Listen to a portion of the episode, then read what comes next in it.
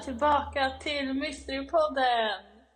Och idag ska vi snacka historier från internet. Det är faktiskt första gången vi kör det här temat. Ja, faktiskt. Jag har varit lite taggad på att göra det faktiskt. Ja, samma här. Men det var faktiskt ganska svårt tyckte jag ändå att hitta bra historier. Ja, det finns många, men många var Eller det är så här tidskrävande. Ja, det också. Och så vet jag att många som man så här, tyckte var bra, för man läste ju dem på engelska. Ja, Och så jag bara, men jag känner igen den här. Då var, har man känt igen den från typ Creepypodden eller Spöktimmen. Och då kände jag att så här, ah, nej men då vill jag inte jag ta den historien. För att, någon ja, annan har gjort det liksom. ja precis, då har man gjort det bättre liksom. Ja. Så att man ville hitta någon som man inte kände igen så. Och det tyckte jag var lite svårt för att det var väldigt Mm. många bra som, ja det var lite tidskrävande men jag fick ihop några i alla fall. Och jag var så rolig, jag tänkte så här, hmm, man kanske ska titta till såna campingsaker. Aha. Strange jävla anledning. Man bara, ja men eh, vi själv ska ju campa snart. Eh, är det så bra? Men jag gjorde det ändå. Jättebra idé tyckte jag. jag tyckte det är jättebra. Nu kommer vi ställa in Norgeresan. Nej, så farligt är det ändå inte. Spoiler. Jag kan börja med min lilla korta här då. Som, eh, ja, den var verkligen tre meningar lång.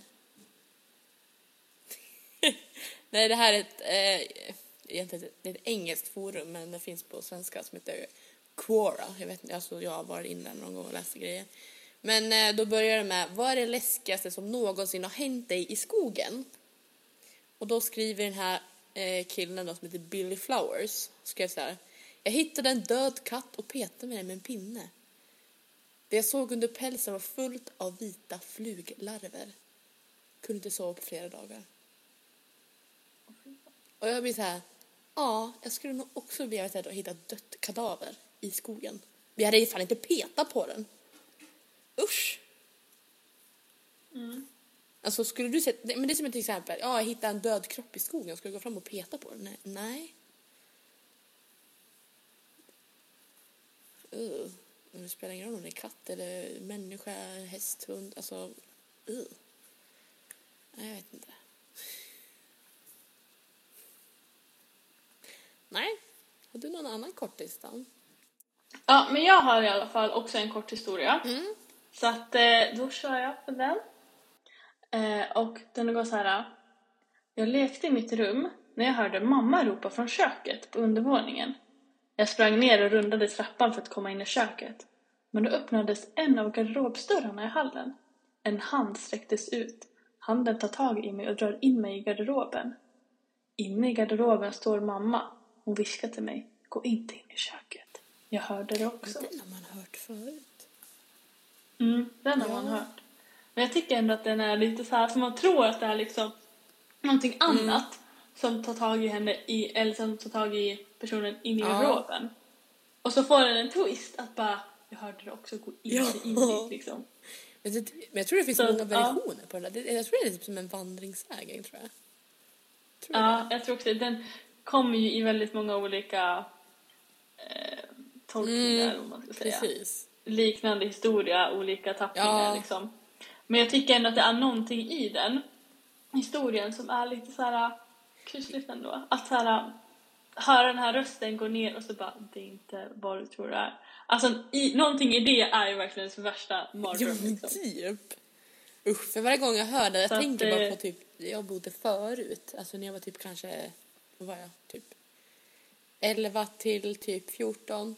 Och det är det huset jag typ Mm. så här ser framför mig varje gång jag hör, alltså tänker på just, alltså den där. Det är så creepy. Har du någon mer Det historia? har jag, tro det eller ej. Yes. Det här var en eh, eh, pappa som beskrev, eller beskrev som vad det var det läskigaste eller märkligaste ett, ett barn någonsin har frågat dig. Eller, ja. Då berättade han så här. Jag tror min yngsta dotter var tre år. Hon och jag var i köket. Hon skulle äta något och jag höll på att hälla upp det åt henne. Plötsligt så såg hon upp från maten, tittade ut rakt i luften och, och, sen, eh, och sedan på mig. Pappa, vem är tanten? Eh, vilken tant? Och så viskar hon. Vem är tanten? Och ingen var där och hälsade på. Eh, och det var ingen annan i köket än hon och jag. Hon såg ut och väntade sig ett svar, men eh, jag såg nog bara förbryllad ut. Och hon gav upp och började äta istället. Alltså jag hade typ blivit fett rädd. Men gud. Alltså det där är min fobi när man ska få barn, att de ska börja säga Ja. här obehagliga saker. Eller så typ prata med någon, alltså verkligen ha en konversation med någon i typ ett hörn eller i soffan och det är ingen där. Eller på deras Mhm. rum, att man hör att de typ leker eller pratar med någon och så går man in och. Man bara, Det är så läskigt. Alltså då hade jag bara, vi bränner ner huset på en gång. typ. Nej, det, alltså det är fan otäckt. Alltså allt det där med barn Ja, ser någonting eller typ såhär. Det är bara jä- jävligt läskigt. Och sen är det också läskigt att spöken typ bara eh, liksom går till barnet som ett måltavla liksom. Ja, men det, är, det, sägs ju någonting att så här, barns sinnen är mer Mm. öppna så de är mer mottagliga. Och därför ser de oftast det som vi vuxna inte ser. Det är därför de oftast får kontakt med jag vet, det är fett Nej. synd. från andra sidan. Och det känns... Och det är också läskigt att höra när de beskriver typ så här, saker typ som en, en hängd man eller kvinna eller ja, men någon som är uppenbarligen liksom är död på ett läskigt sätt. blir man så här, Mm, eh, och du kan se det där? Nej usch. exakt. Alltså, ja, nej, fy fan. Ska jag köra min andra nu då? Mm. Okej. Eh, igår kväll fick jag veta att ett band jag gillar alldeles strax skulle spela i en bar i närheten av där jag bor. Jag stressade iväg hemifrån för att hinna. Efter spelningen tog jag några glas med några vänner men insåg då att jag inte hade telefonen på mig. Jag letade under bordet, vi satt vi vid baren, i badrummet och till slut gav jag upp och lånade min kompis telefon för att ringa mig själv. Efter två signaler svarade någon. Jag hörde ett långt rosslande fniss. Och så lades det på. Och ingen svarade när jag försökte ringa igen. Jag fick inse att det förmodligen var kört. Att telefonen blivit stulen. Och jag begav mig hemåt. Väl hemma hittade jag min telefon på nattduksbordet. Precis där jag hade lämnat den. Men fy! Usch! Ja, Uh. ja, men det är också så här, alltså fett jävla obehagligt. Och till så här, Verkligen. just det där med fnisset, att man ringer och så någon fnissar. För min första tanke, om jag, det hade hänt mig, hade också varit att så här, okej den har blivit stulen. Mhm. Det är någon som har snott den. Kul liksom. Och sen när man kommer hem och den ligger på nattduksbordet och man bara, ja just det, jag hade lagt den där. Inte så här. Vem fnissar då? Eller hur? Då måste det ju vara någon där hemma liksom. Alltså jag hade spurtat ut ur lägenheten eller huset eller vad fan det var. Alltså jag hade bara nej. Alltså ringt polisen och typ inte ens sovit där hemma. Jag hade typ inte ens tagit med mig telefon. Jag hade bara hej då. Ser den. Tjong! Genom dörren. Alltså ut fort som fan. Ja, det där kommer vara min fobi varje gång jag typ ringa mig själv och leta efter min telefon. Då ska jag höra någon som svarar. Nej Alltså usch. usch vad obehagligt. Fy fan. Den där är faktiskt obehaglig. Jävligt obehaglig. Ja, här passar ju dig Ellen som går på dejter tänkte jag. Nej jag skojar. Ja, härligt. Okej. Eh, jag är en kvinna i 30-årsåldern och har inte träffat den kille jag söker efter. Men sen när jag började dejta igen. Eh, alla namn jag skriver är inte riktiga namn. Anledningen är för att inte utge några detaljer om vem jag är eller någon av de killar jag berättar om. Jag vill att lägga upp min berättelse på Reddit. Så jag känner att jag måste berätta för någon om vad som sker. Det var en torsdag som jag träffade Jonas. Han var något år äldre än mig. Eh, han var en ganska utåtriktad person. Han hade brunt lockigt hår och brungröna ögon. Han var rolig och hade planerat en biodejt som avslutades med en promenad genom esplanaden. Han var trevlig och fick mig att skratta. Dejten var bra och vi skulle ses igen. Jonas kropp hittades en soptunna bakom en matkedja. Hans huvud, armar och ben hade kapats och placerats intill kroppen. Det enda som saknades var hans hjärta. Jag blev chockad när jag fick höra att han hade blivit mördad. Jag blev till och med rädd att det fanns någon där ute som kunde göra något så här brutalt. Detta mordet, eller det här mordet fick mig då att avstå dejtandet ett tag. Sedan träffade jag Rickard som var en egenföretagare som brukade gå på samma gym som mig. Jag var först rädd att gå på dejt med honom, men eh, han sa att vi kunde gör, göra det bland folk. Så jag gick med på det. Vi träffades på ett litet café som jag rekommenderade. Och sedan ville han att vi skulle gå på en ny utställning. Rickard var en vänlig kille, något år yngre och ganska energisk. Vi klickade, men inte lika mycket som jag hade gjort med Jonas. Men det var något med Rickards blåa ögon som gjorde att jag fick fjärilar i magen. Efter utställningen följde han mig till busshållplatsen och vi diskuterade lite om att vi skulle ses igen och ta en målarkurs ihop eftersom att vi blev inspirerade av utställningen. Men eh, Rickards kropp hittades i hans lägenhet. Han hade fått en, ett trubbigt föremål inslaget i tinningen och den inre blödningen hade tagit hans liv. Utöver slaget i huvudet så saknades även Rickards hjärta. Polisen hade nu gått ut med att gärningsmannen måste vara medicinskt kunnig. Vad det innebar fick vi inte veta. Men något av de två av mina dejter nu hade gemensamt var att de hade blivit mördade. Och det fick mig att tro att anledningen var att jag antingen var paranoid eller så var den slumpmässig. Eh, denna gång hade jag redan hunnit gå på en tredje dejt samma kväll som Rickards kropp hittats. För att han hade varit död ett par dagar bara. Den tredje dejten var en kille som hette David. Han var lika gammal som mig och jag kände honom genom en gammal gemensam Facebookgrupp. David var en ganska tillbakadragen kille, men han var gullig och otroligt omtänksam. Han hade tidigare, tidigare frågat ut mig, men då var jag ganska osäker. Men nu hade vi bestämt oss en dag och sen åkte vi till ett ställe där, vi, där det var självplock. Så det blev en del grönsaker. Och vi åt den godaste tacosen och sen pratade vi resten av kvällen innan han skulle åka hem. David höll min hand i hallen och kysste mig. Det fick mig att le på riktigt för första gången på veckor. Jag tittade in i hans bruna ögon innan han öppnade dörren och vi sa hej då. David hittades knivhuggen i hans tvättstuga. Denna gång hade han försökt försvara sig. Det var tecken på kamp där nere, en massvis med blod. Men även hans hjärta var borta. Det fick mig att inse att dessa morden inte var ren slump. Jag vågade inte gå ut i lägenheten längre och jag låste in mig och drog ner persiennerna och gardinerna för det kändes som alla var nu dömda på grund av mig. Alla de tre dejterna som jag hade varit på hade blivit mördade. Men en dag efter att ha isolerat mig fick jag en bukett med blommor och ett kort skickat till mig. Jag kunde ju förstå mina kollegor och vänner och familjs oro över min installation. Eller vad det heter så. Isolering kanske det heter. Jag tog in blommorna och satte dem i en vas och då tog jag ut kortet ur kuvertet. Jag läste på kortet några gånger för att försöka förstå vad personen menade. Johanna, mitt hjärta bultar för dig, endast dig. Jag tappade kortet efter att ha läst det och ringde 114 14 direkt efter. Förstår du vad det menades? Just det, jag glömde bort. Den skrev tre hjärtan också. Ja, då är det ju någon som är besatt av henne som stakar henne och dödar alla hennes dejter. Ja. Äh, Fy fan vad obehagligt. Jag tyckte det var fett spooky. Ja, vad har du för spännande historia då? Nästa historia. Ja. Nu kör vi. För några månader sedan bestämde sig min kompis som vill bli professionell naturfotograf för att tillbringa ett dygn i skogen utanför staden där vi bor. Hon ville fotografera skogen och djuren i deras verkliga miljö för att få bilder de kunde använda i sin portfolio. Hon var inte särskilt rädd för att sova ensam i tält, det hade hon gjort många gånger förut. Hon riggade upp sitt tält i en liten skogsdunge och ägnade den dagen åt att ta bilder. När utflykten var slut hade hon använt upp fyra filmrullar som hon lämnade in dagen efter.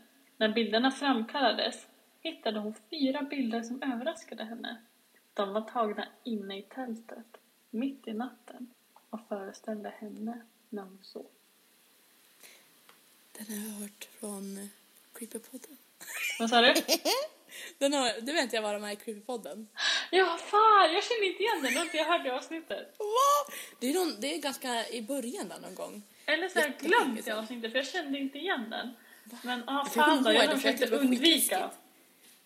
Men, och jag satt och tänkte också på så här. Eh, vad sa jag innan då? Jo, jag köpt fyra filmrullar till Norge. Mm. Alltså om, om det kommer fram såna bilder när vi har varit där, alltså jag lovar jag kommer dö. För så här gömma kameran, typ så här. Jag Nej. vet ju inte om någon har varit där. Så om vi Nej, dör, då så- vet ju ingen att någon annan har tagit, gjort, tagit några konstiga kort. Sant. Om vi dör. Jag ska... Positiv blick. Är det någon gång jag kommer dö så är det när jag får hajka trolltunga själv. Fan, du får väl gå med... Ja, just det. Man ska inte gå med andra grupper. Jag läste på det, för de vet jag inte om de går rätt heller. Och så kanske de inte är jävla snälla personer, kanske bara henne mördar vi. Va?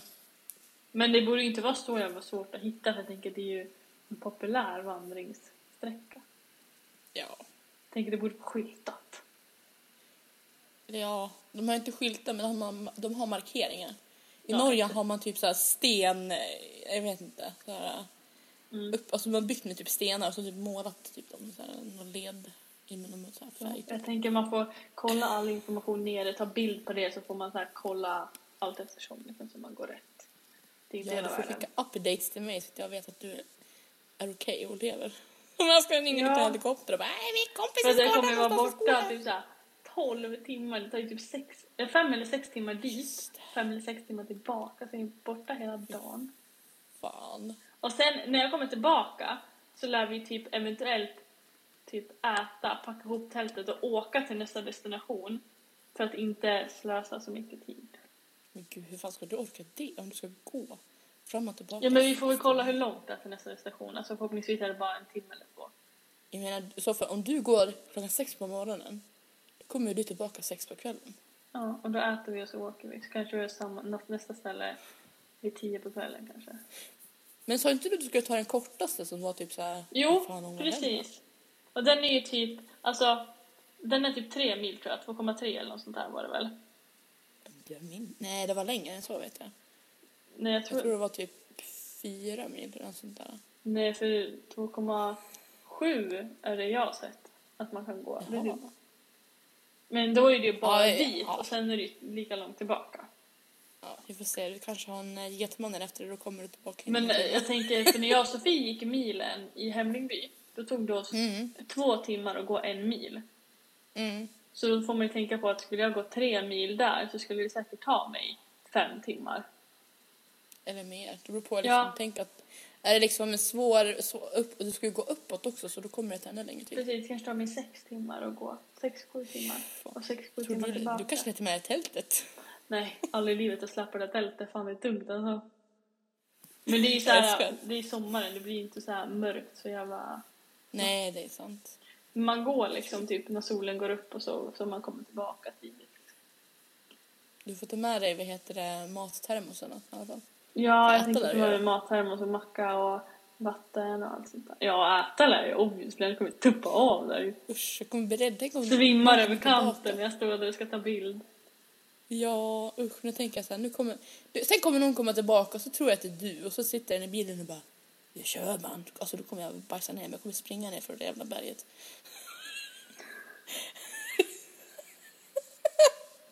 kommer tro att det är någon så här, någon Du får följa eh, som med mig då! Det är ju fyra. Kommer, alltså, vi, kommer, vi kommer gå vilse då. Vi kommer aldrig komma fram.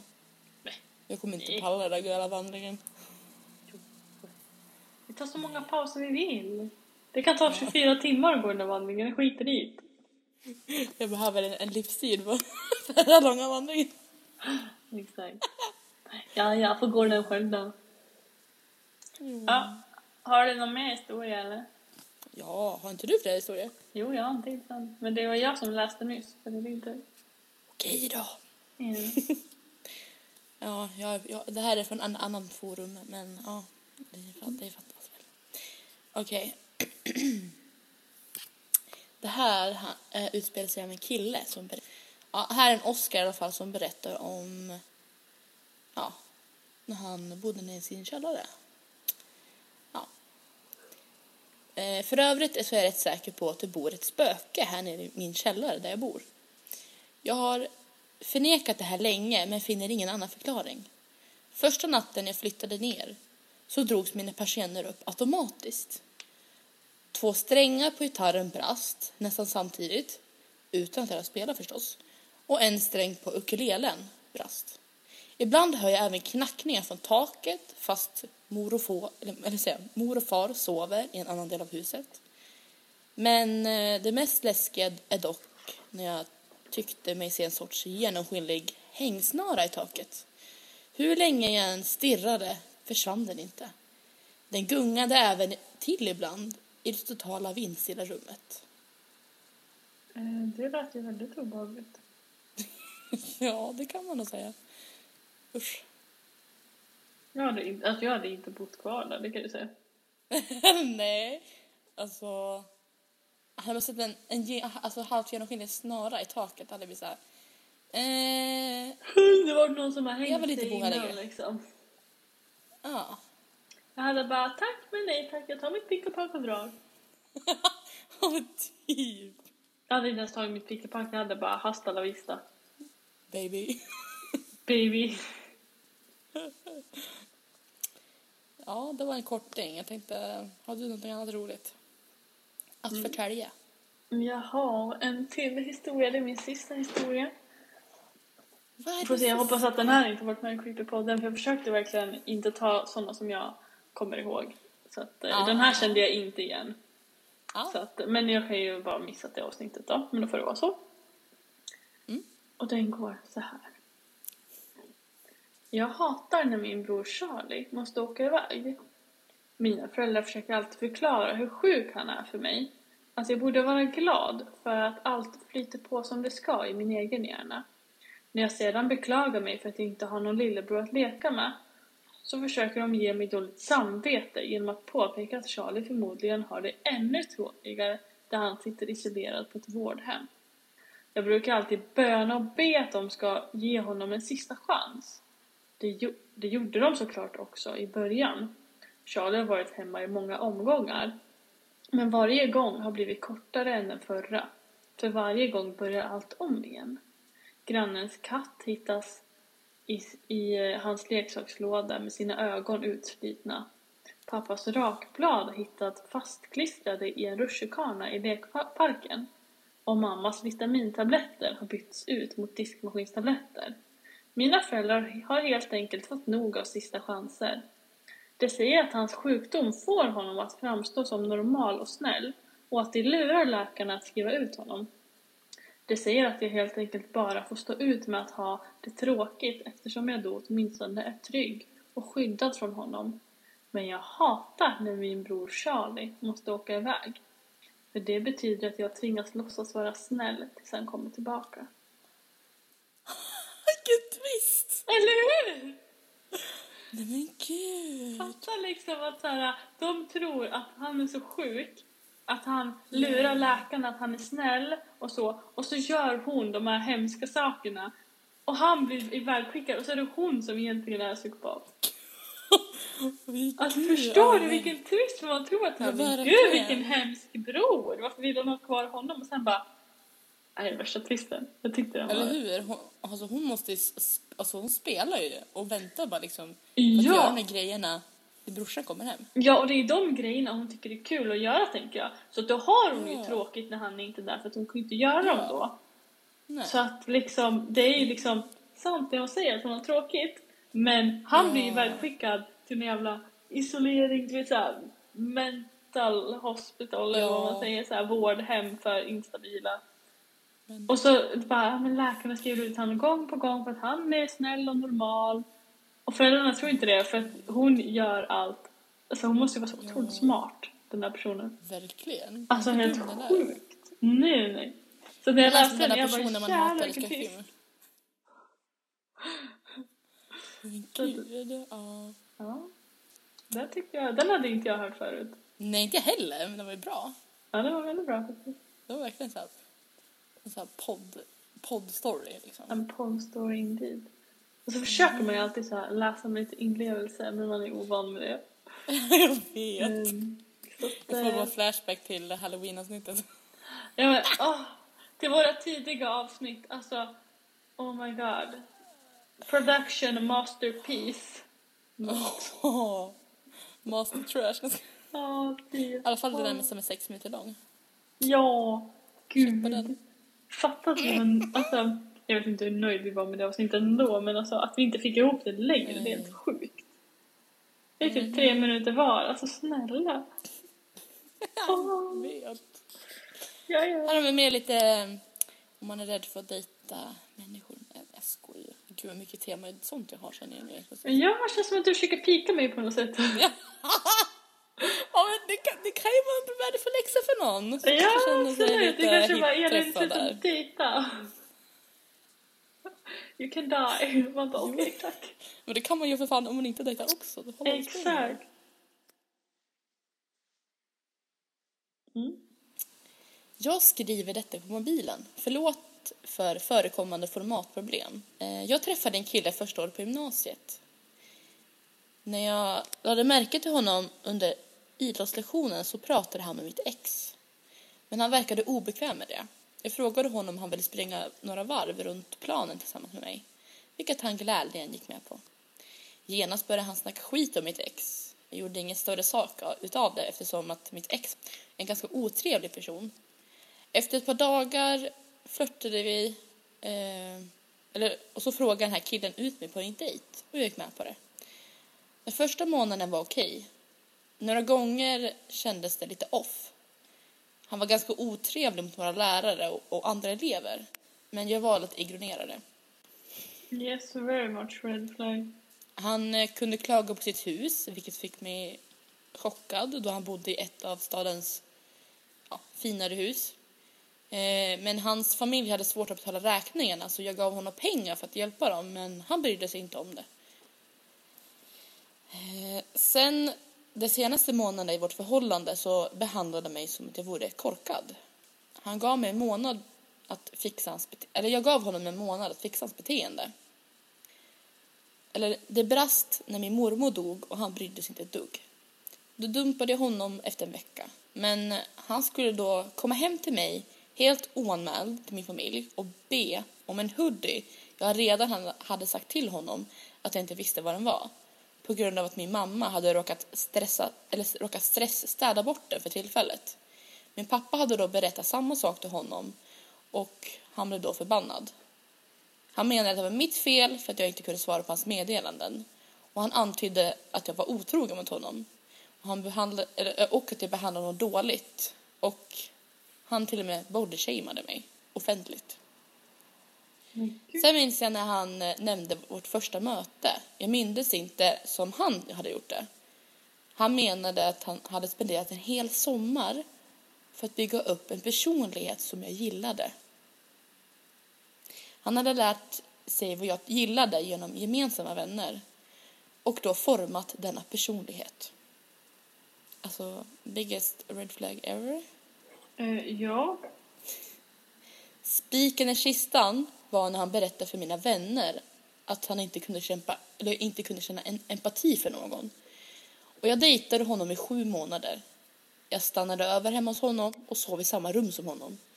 Och nu i efterhand, efter att publicera inlägget, så inser jag att han kanske nog var- mer narcissistiskt än en psykopat. För titeln på det här var typ jag dejtade en psykopat. Men alltså, alltså vilken sju, alltså vad, alltså vad läskigt egentligen att man har liksom, alltså format en ny personlighet för att få någon annan att tycka om en. Ja. Alltså gud vad läskigt att så här, man har dejtat någon och så tycker man så här bara Men gud vad vi klickar, vi har så mycket gemensamt och så. Så går den och så här formar sig ut efter mig. Kanske den har så här Ja. kollat upp vad jag gillar och liksom fått reda på så mycket som möjligt och typ så här format sig Ja. efter det. Och så är det Ja, inte alls det så creepy. egentligen. För vissa, jag tänker typ narcissister och psykopater Mhm. de är ju så i början och sen när de har personen så här tryckt det är då Mm. de sakta men säkert börjar så här visa sin riktiga sida och kanske bli liksom aggressiva och elaka och liksom Mm. helt personlighetsförändrande. Gud vad läskigt Ja, dejta det en sån är verkligen person. läskigt. Alltså det är ju Såna, biggest fear. Och det är också så här, alltså jag förstår hur lätt det är att så här, missa de här red flagsen i början. Alltså man blir lite så här, nej men det är ingen big deal, han kanske hade en dålig dag därför var han otrevlig mot den här personen eller så. Men alltså man ska aldrig ta lätt på red flags alltså. nej. Nej. Men alltså, det är också någonting som jag tycker är konstigt, hur man inte kan känna empati för någon. Alltså, Ja, egentligen. det är ju... Är inte det typ ett tecken på om man är psykopat? Jo, men det är ju typ det. Alltså, alltså antingen är man narcissist eller är man psykopat. Mm. Alltså det beror på... Fast alltså, Det beror på hur mycket, tror jag. narcissister. Ja, jag tror det beror på graden, vet jag. Precis. Jag tror inte alla narcissister är psykopater. Men jag tror typ Nej, att alla nej. psykopater är low-key narcissister också. Ja, det är hundra procent. Ja. Alltså fy. Uh, alltså nej, usch. Alltså, jag blir är rädd för människor. Människor är för läskiga. Mm, jag vet. Uh. Alltså det Uh. läskiga jag tänker nu med så här dagens datingkultur är ju att man Mm. ofta så här träffas via datingappar och på nätet. Vilket för flera år sedan var det ju typ att så här, eh, man var rädd för att skriva med främlingar på nätet för man visste inte vem det var. Eh, och det var så här man träffades in person. Nu är det så här, nu är det så okej att som första dejt att man känner den här personen men du ska hem till personen. Eller den ska Mm. hem till dig. Förut var det såhär, nej du ska träffa personen på en eh, liksom allmän plats. Ja, Nu har man liksom kommit ifrån det ganska mycket. Att man ska säga, ah, den personen kan hämta upp dig och ni åker hem till den personen. Det är såhär, okej, för det har jag gjort flera gånger. Alltså den personen hämtar upp Mm. mig så har vi åkt hem till den. Det är såhär, okej, mm. men då är inte jag någon bil. Hur ska jag ta mig hem från den här personen om det inte är något bra? Alltså, det är liksom så här, åh, jag vill inte bjuda hem en främmande person hem till mig bara sådär hur som helst. nej. Men det är också så här, vågar man åka hem till någon annan egentligen? Det är bättre, alltså så här. Det är så, det är när man tänker på det så blir det så läskigt för man är så, liksom, Man har blivit så trygg i det liksom. Man har liksom ja, man har blivit så trygg i, glömt. i det som för bara kanske så här eh, 20 år sedan sågs som otryggt. Exakt. Man har Liksom, glömt bort det här stranger danger liksom. ja, nu är det liksom så här så normaliserat att man skriver med främlingar på nätet och att man åker hem till Mm. personer man knappt känner. För man kanske inte ens Mhm. har haft personen på Snapchat eller någonting utan man bara skriver där. Och så ska Ja. man möta upp, det kan ju vara vem som helst, det kan ha vilka intentioner som helst. Precis. Och det är Jag läskigt att tänka på. Och det utsätter man sig för varje gång man liksom går på en dejt. Jag vet, det är helt sjukt. Det är så läskigt att tänka på.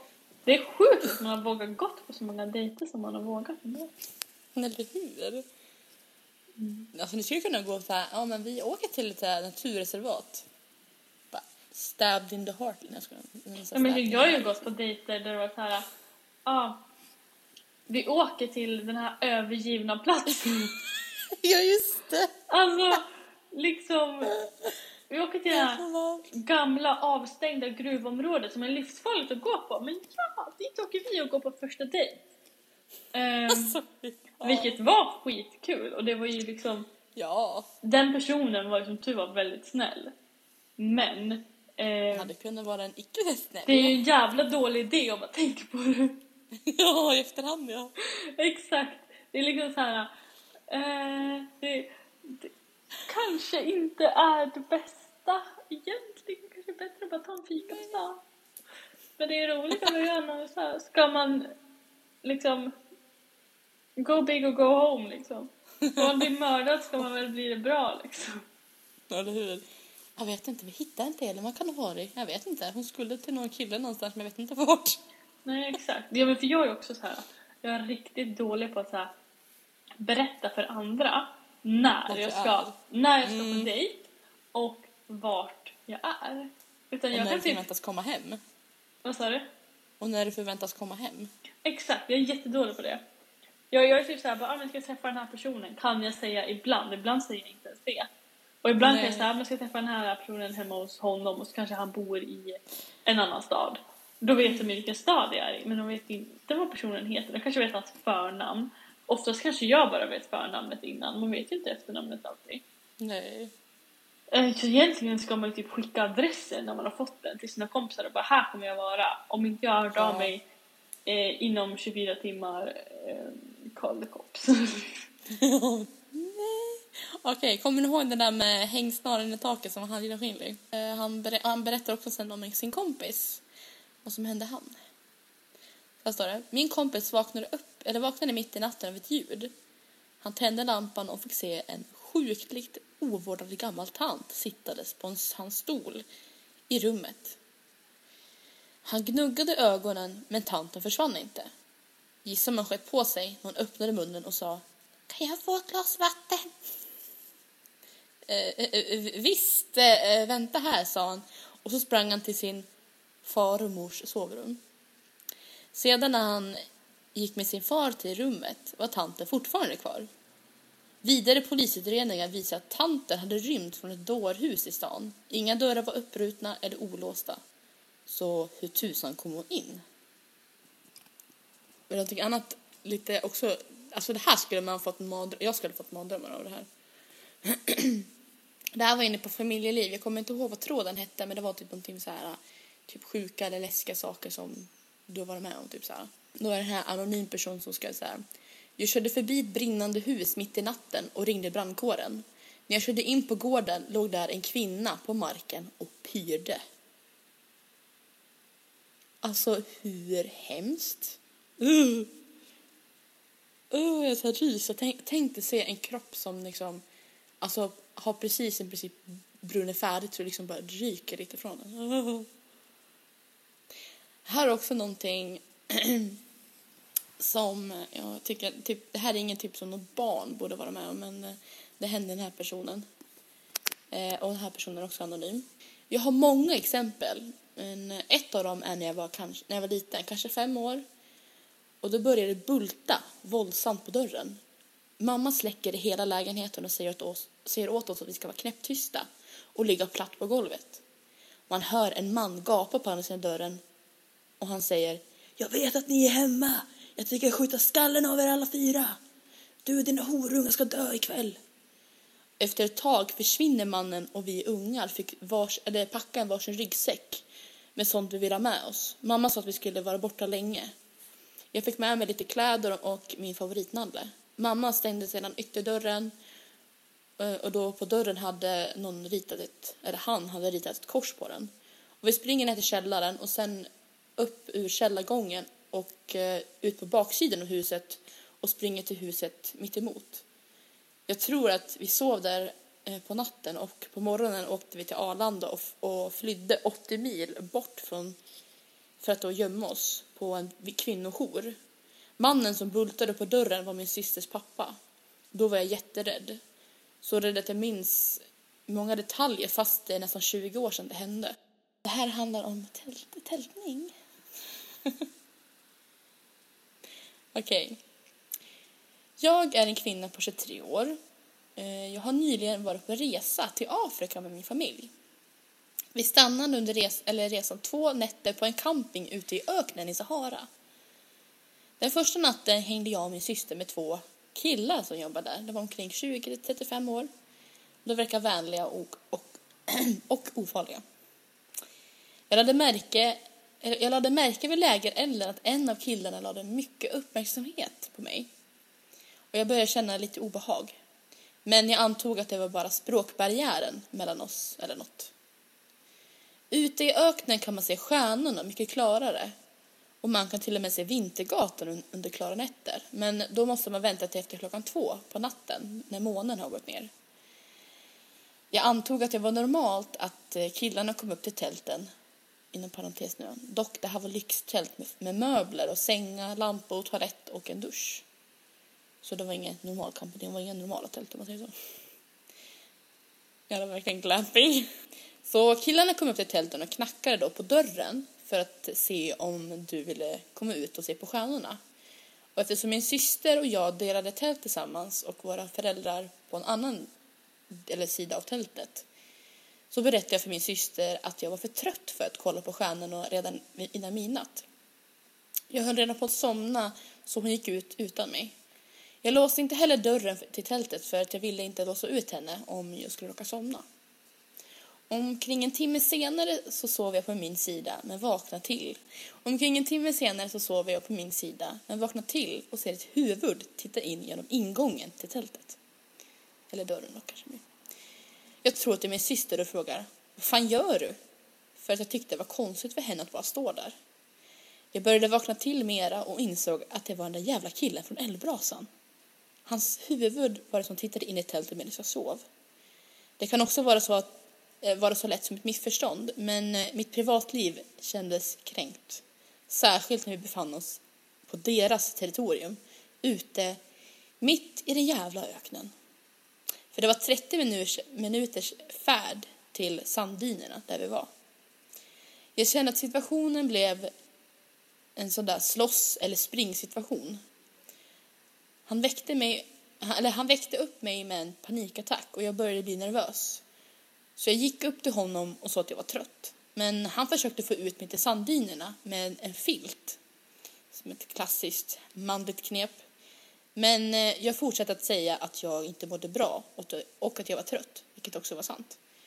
Men jag visste inte heller var min syster befann sig, inte var min var familj heller var. Jag kände mig jävligt disorienterad och visste i princip bara att den här mannen stod framför mig. Jag vet inte hur länge han hade stirrat på mig, en ynkla sekund eller två minuter. Hur som helst så var jag skräckslagen. Och jag sa åter igen nej. Och att jag istället sa att imorgon skulle kunna följa med ut och titta på stjärnorna. Men han, han berättade att han inte skulle vara på campingen imorgon natt. Det var därför han ville att jag skulle följa med nu. Men jag gav inte upp. När han insåg att jag inte skulle följa med ut så frågade han om, han kunde få, om han kunde få mitt nummer. Varpå jag sa nej. Och då berättade jag att jag har en pojkvän. Vilket inte heller var sant. Men jag tänkte att om man målade upp en bild att det fanns en annan kille så, så kanske han skulle ge upp. Men då frågade han vad mitt namn var. Och jag gav det eftersom jag insåg att det fanns ingen fara med det. Sen sa jag godnatt och låste faktiskt dörren efteråt. Hela situationen fick min mage att bli nödig. Så jag var tvungen att gå på toa. Väl där inne kunde jag höra hur han var fortfarande utanför tältet och ropade mitt namn. Jag svarade inte och jag gick tyst till min säng och låg där stilla. Jag försökte lugna ner mig själv igen men han ropade åter mitt namn. Jag låg stilla och fortsatte att vara tyst. Jag försökte nå min pappa på sms men han svarade inte. Jag kände mig inte bekväm nog att lämna tältet heller. Äntligen dök min syster upp med våran pappa. Så jag berättade händelsen för dem och de båda var, förbryllade och tyckte att det var konstigt. Något mer än det var, var det inte. Dagen efter vid frukosten tog jag upp det igen och både min syster och pappa såg åt mig att jag var dramatisk och helt enkelt borde sluta prata om det. Den enda i familjen som tyckte att jag gjorde, som inte gjorde en stor sak av det var, var mamma. Hon tyckte att hela grejen inte alls var okej. Så den andra natten var både jag och min syster ute under stjärnorna och pratade med killarna som jobbade på, kamp eller på campingen. Och slappade helt enkelt. Men eh, kom ihåg också att eh, det var väldigt mörkt här ute och man kan inte urskilja ansiktena. Så jag satt och hade en helt vanlig konversation med en av killarna. Och jag, jag noterade inte ens vem utav dem det var. Men det var lugnt. Efter en stund frågade han om jag minns honom. Varpå jag svarade, ja det är svårt att säga när jag inte ser dig. Han ber mig då hitta en ljuskälla och ta reda på det. Så jag, så jag gör det. Och eftersom killen från igår inte skulle vara här så var det väl ingen fara. När ljuset tändes så ser jag att den är jäveln från igår. Han som inte skulle vara här, han var här nu. Det fick mig att tro att han hade tagit det här passet enbart för att se mig. Men man kan aldrig vara helt säker, men nu var det så. Förvånad över att allt kändes bra. Han verkade respektera mitt avståndstagande, men jag valde att inte säga något till personen som drev campingen. Men jag planerade att göra det ifall han skulle göra något mer obekvämt. Vilket han inte gjorde. Gud, jag blir typ så här Morgonen efter lämnar vi campingen och ett par dagar senare eh, börjar jag få, meddel börjar få meddelandeförfrågningar på Instagram. Kan man tänka sig att eh, det var den där tältkillen som hade letat upp, mig på letat upp mitt Instagramkonto? Jag vet inte hur han hittade mig på Instagram. För man kan inte söka upp någon med namn och eh, plats, eller vet det, och, och alltså hashtaggar typ. För att jag hade, tagg, för jag hade taggat Sahara enbart på mitt inlägg. Men han hittade mig. Jag vet inte, eh, vet inte, men, eller vet inte hur riktigt, men jag har varken ett unikt namn och Sahara är gigantiskt. Men eh, så det är väl en del människor att leta igenom. Hur som helst så skrev han till mig och det gjorde mig lite rädd. Jag tänker nu att han är harmlös och lika kan, och kan lika gärna se vad han har skrivit. Han skrev så här. Du vet, jag är ganska glad för att, glad att jag hittade ditt konto. Eller jag tittade hela, eller hela tiden. Tänker att jag översätter från dålig engelska, men ja. Vilket jag verkligen anser vara läskigt att säga till någon. Men jag har i åtanke att det kan vara en kulturkrock, krock, men vem vet. Jag läste bara meddelandet och, och sen efter några dagar skrev han igen. Han frågade då hur jag mådde, men jag svarade inte. Så tja, jag undrar vad ni tycker om det här. Om jag överreagerar eller, om, eller att min magkänsla är rätt. Han verkade harmlös i slutet, men man vet aldrig. Ja, det var lite creepy. Vi drar ihop säcken. ja, tack och hej, leverpastej.